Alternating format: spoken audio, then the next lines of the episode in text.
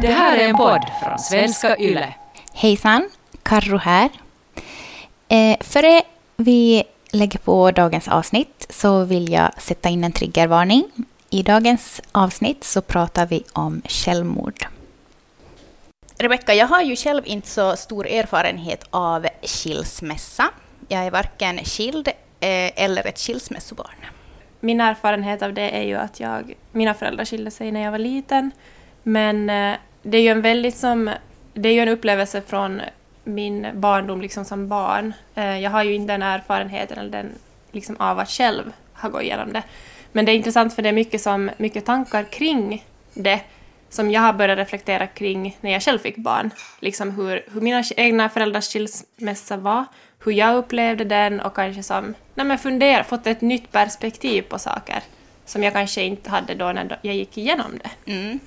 Verkligen, det finns så många sidor av en skilsmässa och många, eh, vad ska man säga, alltså sidoämnen inom en skilsmässa. Det är som inte bara att man skiljer sig och går vidare, speciellt inte då det är barn inblandat. Eh, och det som, vi lite, det som också ni lyssnare har efterfrågat och det som vi kommer att eh, ta lite upp idag kring eh, halvt är det här med att ta in en ny partner i sitt liv efter en separation eller en skilsmässa. Mm.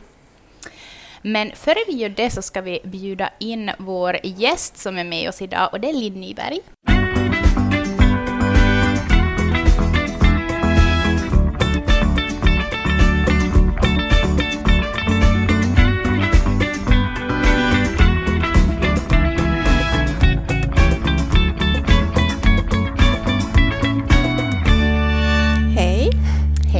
välkommen med i podden Linn. Superkul tack. att du ville vara med. Ja, men tack för att jag fick komma. Vi har också med oss mm. lilla Lycke, fyra månader. Mm. så att eh, om det är så att du måste pausa så vet du att du räcker upp handen yes. säger stopp och belägg. Nej, jag yes. till. yes. Det här, Linn, du är ju inte bara här för att prata om just det här med att få en, eh, eller få, vad ska man säga, hitta en mm. ny partner efter en separation. Utan du har ju också en eh, ganska tung historia eh, mm. att berätta idag. Mm. Um, du får helt mm. enkelt kanske börja med att berätta lite om dig själv, hur din familj och, ditt liv ser ut för tillfället. Ja, jag är 31 år och uh, bor tillsammans med min sambo Anders och uh, min son Alex som jag har från tidigare förhållande som är 10 år.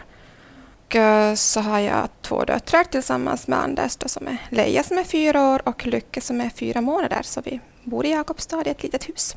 Mm. Mm. Och Alex fick du alltså då när du var visst 21 år? Yes. Mm. Med din eh, dåvarande pojkvän eh, Robin? Mm. Ja. Um, berätt lite för de som inte känner dig, vilket ju är allihop. Precis. Rebecca, you gotta help me. Nej, men jag träffade Alex pappa då jag var 15 år. Ja. Uh, och uh, vi det här var tillsammans i sex år. Uh, vi skaffade hus och vi det här, ja, allt det där. Och när Alex var strax under ett år så då separerade vi. Mm. Att vi var mer som vänner. Och ja. Hur kändes det att, att separera då barnet var så litet? Um, på ett sätt känns det ganska bra för att jag vet nu sådär i efterhand att Alex har inget minne av att jag och Nej, hans pappa ska vara tillsammans ens. Mm. Så det har som inte lämnat någonting på det sättet för honom att fundera på om det. Men klart man önskar ju alltid det där att man ska ha den där kärnfamiljen. Mm. Uh, men det blev inte så, det funkar riktigt bra ändå. Mm. Uh, du och Alex uh, och Eh, Robin, då, hur delade ni upp vårdnaden då, när Alex var så liten? Vi hade nog som delad vårdnad, men vi hade inte vecka-vecka-system i och med att han var som så pass liten, mm. att det började vi nog som vänt med tills han blev lite äldre. Ja, vi hade honom nog som 50-50 mm. och hade en väldigt liksom nära och bra relation till varandra och hittade på mycket ändå med Alex och mm. tillsammans. Var det någonting som som du reflekterade då liksom kring när ni gick igenom skilsmässan och, och tiden efter, hur du ville att din relation till hans pappa skulle vara? Var det någonting som du liksom, var, var det, ja, reflek, hur reflekterade du liksom kring det? För jag tänker att det är en jätte... Alltså när jag ser tillbaka på mina, min egen, liksom vad jag har gått igenom mina föräldrars skilsmässa så det var alltid som prioritet för mamma just också, också för pappa, att de liksom skulle vara vänner och att jag liksom inte skulle bli i kläm. Uh, men jag vet att det är, som, det är säkert jätte, jättesvårt i många situationer mm. att faktiskt sen att, att göra på det sättet. Mm. Att man faktiskt på något sätt lite sätter sig själv åt sidan och sätter barnet i fokus. Så hur, hur, hur tänkte du kring det när du gick igenom skilsmässan? Uh, för mig och Robin var det nog väldigt viktigt att vi skulle ha en god relation och mm. uh, liksom, ja, att Alex inte skulle komma i kläm.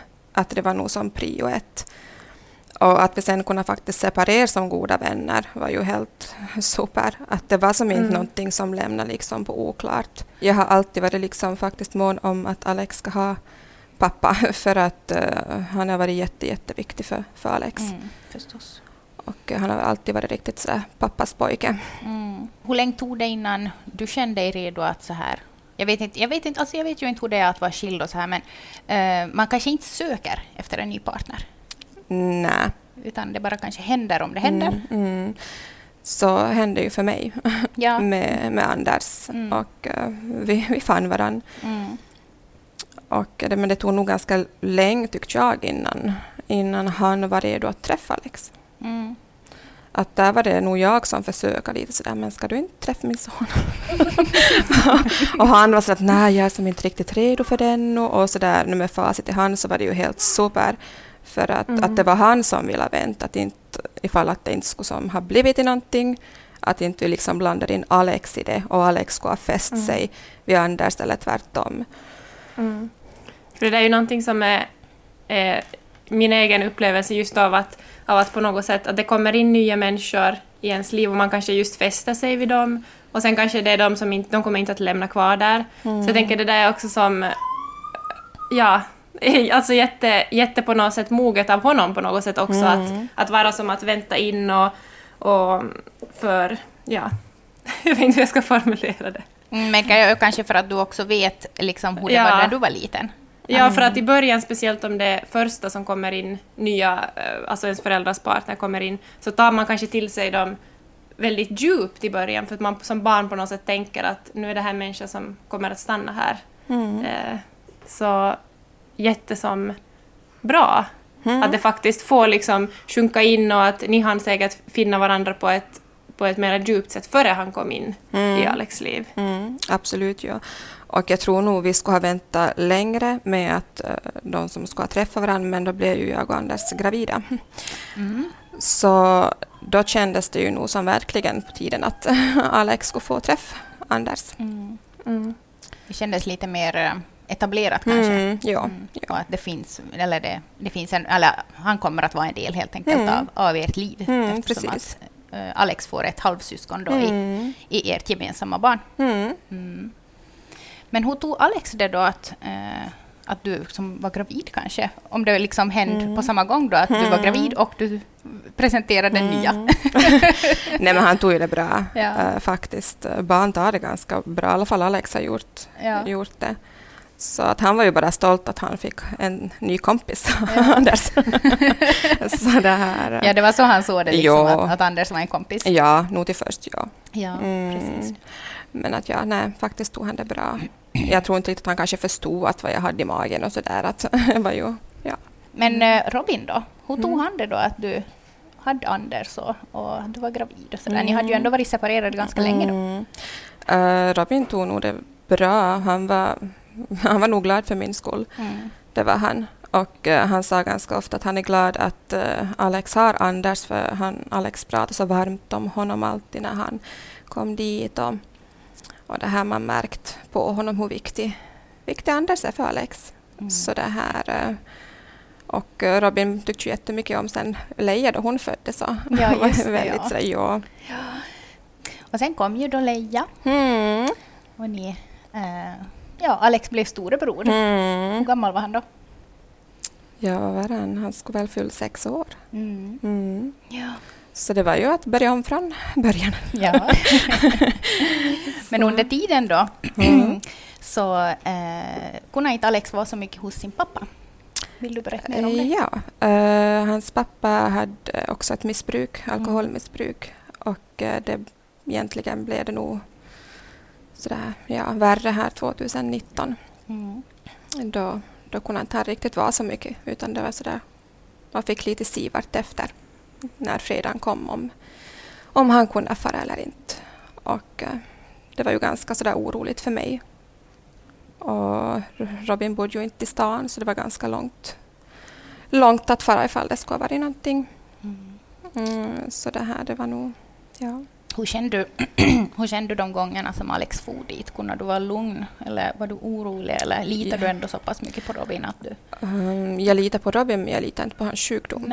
Uh, så det här, jag ringde ju hela tiden. Mm. Alltså jag var nästan besatt av att ringa.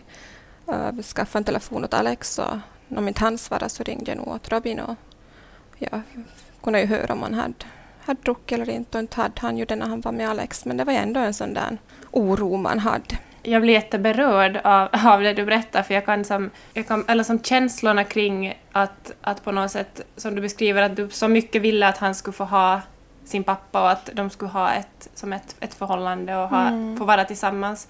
Och samtidigt den där oron mm. av att våga som släppa iväg honom för att ge det här eh, så måste ju vara jätte, jätte, mm. jätte, jättetung. Att leva däremellan, mm. mellan det där. Så hur, hur, hur hanterar du det? Det åt ju upp mig inifrån eh, och jag var jätte liksom, stressad, jag mådde jätte liksom, dåligt över hela allt det här, att jag hela tiden måste gå och oro mig. Och jag var liksom när Alex for att tänka, tänk om någonting händer, liksom värsta tänkbara. Alltså det var nog ett sånt stressmoment, det var det. Mm. Samtidigt som man ville att han skulle få vara med sin pappa. Det tog ganska mycket av en själv att måste hela tiden oro sig. Mm. Måste du någon gång stiga in och, och säga då åt Alex att den här, tyvärr så kan inte du fara idag heller? Mm, ja, flera gånger. Hur tog Alex det då? Blev han mer... Han blev förstås besviken och mm. barn tar ju ut kanske sin besvikelse mycket i ilska. Mm. Att, eh, var den riktad mot dig eller mot pappan? Mm, det var nog lite både och. Mm. Uh, alltså det blev bara mer och mer, eller började gå vildare till. Så då kom fredagen och Alex hade sett fram emot hela veckan att nu ska han få fara till pappa träffas och så kom fredagen och så får vi det här samtalet att nej, det går inte riktigt nu. Och att då måste de se att än en gång liksom blir Alex ledsen och han blir besviken och han är jättearg och han, han kunde som säga jätteofta liksom ofta att varför har min pappa den här dumma sjukdomen och att jag vill ha en frisk pappa. Att nu igen har han liksom ljugit och jag får inte fara dit. Att det tog som det tog jätte, jätte, jättehårt på honom. Och det var ju som jobbigt för mig att se hur, hur ledsen han blev.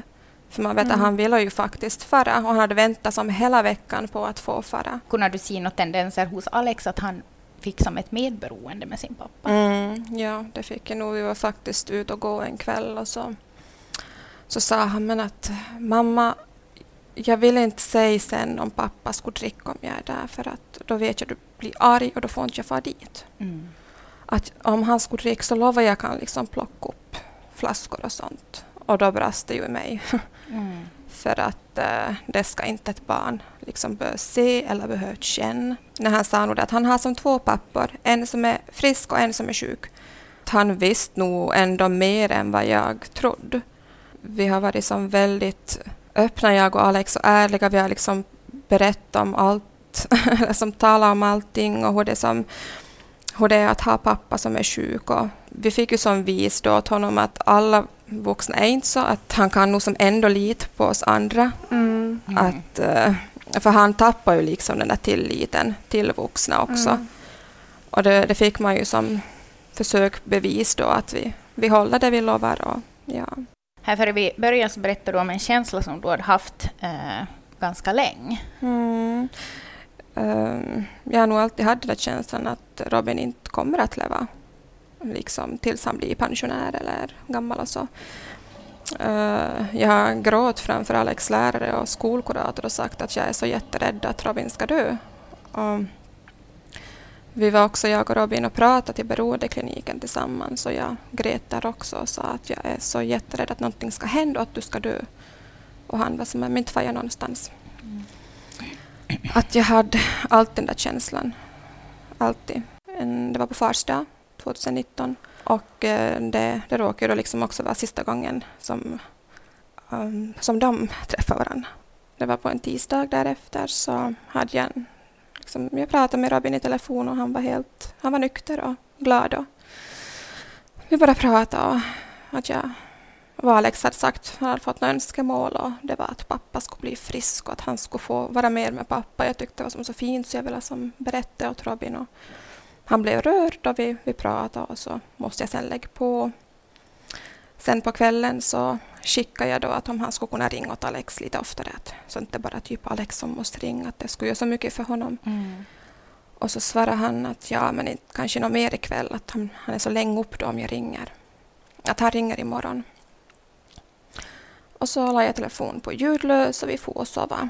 Och eh, 13 november så vaknade jag då, kollade min telefon och så har jag då fått meddelanden av Robin. Eh, det var en låt som vi hade, som var vår låt och vi var tillsammans.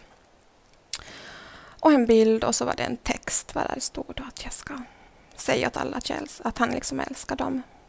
Och jag svarade bara liksom nej, nej Robin och försöka ringa men han svarade inte. Och, och jag skickade då till hans familj att jag är lite orolig om de vet någonting. Och så skulle Alex börja fara till skolan så fick jag ett samtal och uh, vad jag då får höra att Robin hade, hade tagit sitt liv då på natten.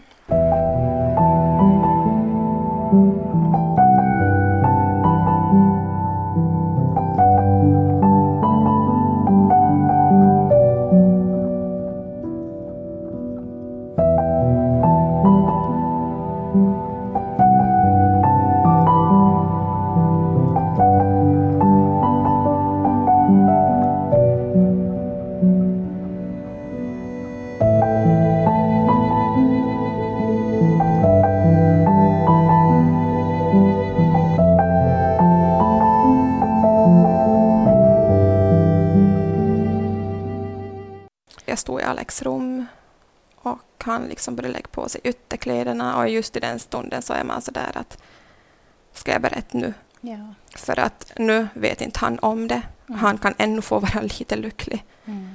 uh, innan hans värld liksom rasar samman. Eller ska jag berätta nu och se liksom hur hela hans liv förändras och hur hemskt det här kommer att vara. Så jag berättade så jag sa bara att liksom, Alex, du måste komma hit. Och jag, alltså jag grät ju hysteriskt. Och jag, jag vet, alltså jag hann som inte ens fundera hur jag skulle säga, utan det bara liksom kom att, att pappa har dött. Det är, så, det, är så, det är så fint att du eh, delar den då, för att jag vet att det är så många som kanske inte har gått igenom, inte har gått igenom just det här, men som har kanske känner någon som har gått igenom det, eller sen har man själv gått eller någonting liknande. Mm. Och jag tycker att det är som jättestarkt och modigt att du berättar. Tack. Hur gick ni vidare? Um, vi fick ju krishjälp. Mm. Vi fick um, alltså hjälp från skolan. Anna är skolkurator och Alex var ju som bekant med henne från tidigare. Mm. Så hon kom ju med samma dit, för jag ringde åt henne och um, mina föräldrar kom, nästan alla mina syskon kom. Och eh, Anders stannade hem och vi var som... Alltså det var så... Det var så jobbigt. Och eh, vi fick ju liksom massor med hjälp. Uh, psykolog hjälp och... Men hur kände du där i den där hjälpen? Kände du liksom att... Hur, hur var det liksom där i all hjälp? Kände du ändå att, att Alex... Eller kände du ändå liksom hjälplöshet? Mm, jag, jag känner Fast ni har så mycket mm, hjälp liksom, mm. runt omkring er så är det som... Alltså jag, känner ju, alltså jag känner ju ännu mm. en hjälplöshet. Um, för, som förälder vill du ju allting för att skydda ditt barn. Mm. Och uh, där inser du att du kan inte, uh, du kan inte ens ta smärtan ifrån honom. Att det är han som måste leva med det här. Mm, där känner du dig hjälplös. Och att du känner ibland att man kanske måste vara både liksom mamma och pappa nu. Um, men um, samtidigt så är barn väldigt att de lever som så i nuet. Mm. Och det var som skönt att se att Alex kunde som under hela det här så kunde han mitt i allt bara som fara ut och leka med kompisar. Han kunde skratta, han kunde bara vara Alex. När han kom in så bara grät han. Men att han var inte som, att, som en själv som bara hela tiden var liksom ledsen och grät, utan han kunde som leva lite mer i nuet. Mm. Och det var som jätteskönt att se att han kunde vara Alex däremellan. Hurdan relation hade, hade Alex med Anders? Hur liksom kom de, kunde de närma sig på ett liksom, kunde han släppa in Anders mm. mera liksom och ta emot hjälp av honom eller hur, hur, liksom, hur var det med deras mm. relation? Mm. Den blev ju nog starkare. Uh, och uh, det är nog som ända sedan Anders egentligen fick egna barn så har han nog också känt en lite sådär, tror jag, fadersroll för Alex. Att han har tagit det alla under samma. Och uh, nyligen så blev han också liksom Alex extra vårdnadshavare. Att uh, han är nog som otroligt viktig för Alex. Och nu var det vid fars dag, då, förra fars dagen, så hade han lagat ett kort åt Anders och jag såg bara när Alex gav det där kortet åt Anders att läpparna liksom bara darrade och han var som så röd till gede. Mm. Och där stod det som att fast du inte är min riktiga pappa så, så känns du som det. Mm. Och det har han blivit. Och jag tror inte heller att liksom Anders förstår uh, hur viktig han är för Alex. Hur har din och Anders relation i allt det här liksom, turbulenta, hur har hur har den, vet du varit, hur har den gått från att men, gå igenom en sån här mm. sak? Mm. Uh, jag var ganska in i mig själv när det här hände. Jag kanske lite sådär stött bort honom för att jag gick in i mig själv så mycket. Jag kunde inte, jag kunde inte krypa upp i hans trygga famn och bara säga att nu, nu känns det liksom för jobbigt, att jag, jag fixar inte det här och bara få gråta ut, utan jag liksom jag hoppade i bilen och körde och jag ropade, jag skrek och jag grät och uh, fick ut liksom mina känslor där för mig själv. Men uh, nu när det har gått en tid så tycker jag nog som att det här som stärkt. Mm. Skulle vilja säga något klokt.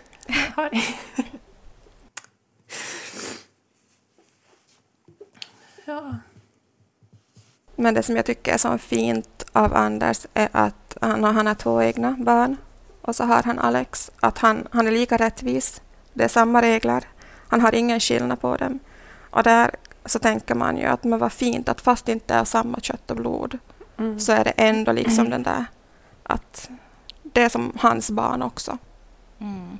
Och Alex får ha en jättetrygg förebild och vuxen i sitt liv som han får se upp till. Att det, är som, det, det gör ju mycket för, en, för mig som mm. mamma åt Alex. Mm. Det gör ju att du inte behöver som bära det, kan jag tänka mig, en, liksom ensam på ett, på ett helt annat sätt. Mm. Att han faktiskt, det kommer in en ny och hur, om det kommer just nya syskon mm. och hur Nej, men som du förklarar liksom att han har tagit till sig ändå honom och att det, mm det är liksom, det, alla är likvärdiga. Mm. För det där tror jag är som också säkert jättesvårt att på något sätt, jag tror inte alls att det är så i alla familjer. Och, men att det är en så otroligt viktig sak. Mm. Att det faktiskt, att det ska vara så att alla är, alla är lika viktiga, alla går under samma regler och att vi är liksom en familj när vi är mm. tillsammans. Mm. Och att alla känslor där i den där eh, konstellationen är liksom tillåtna. Mm. Mm. Både liksom glädje och ilska och mm. att Alex får också vara arg på Anders om han mm. behöver vara det. Liksom och, ja, det vågar han vara mm, trygg att det, det måste vara som en, en uh, otroligt, uh, som på något sätt frihet också, att han känner att han får han får lägga ut hela sitt känsloregister mm. för att han är han är som en pappa åt honom. Mm, ja, verkligen. Ja, han säger ju nog det också väldigt ofta att, att Anders som då vi kallar för Suni. Mm. Att Suni är nog som så viktig för mig mamma och han, han är väldigt mån om att berätta ofta.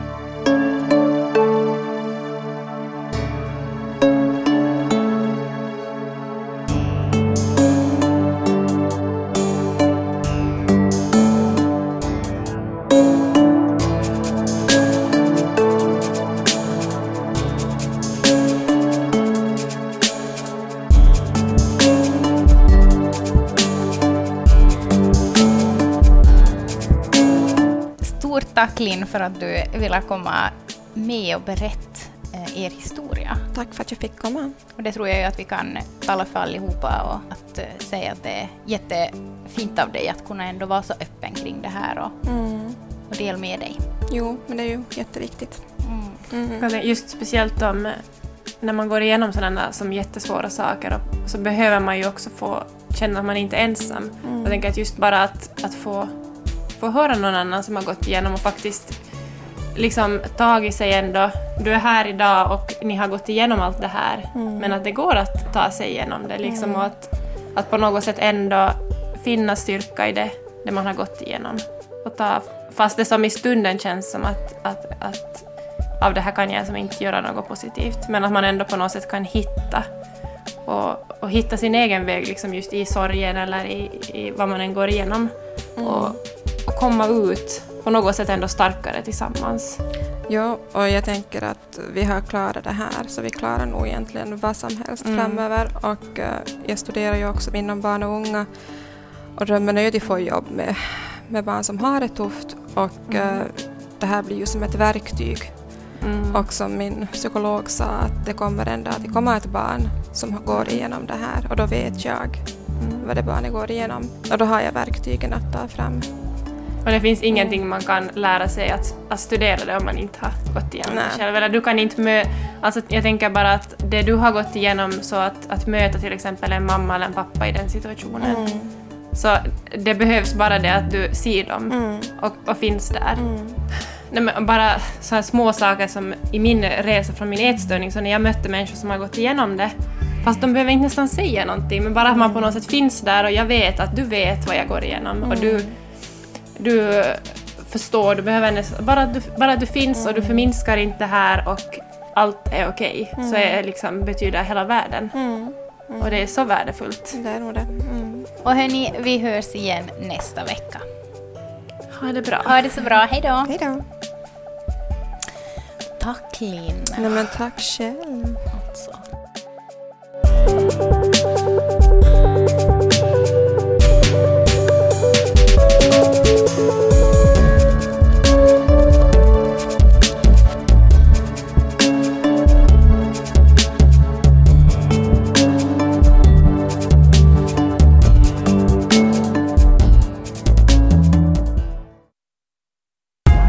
Här är en podd från svenska YLE.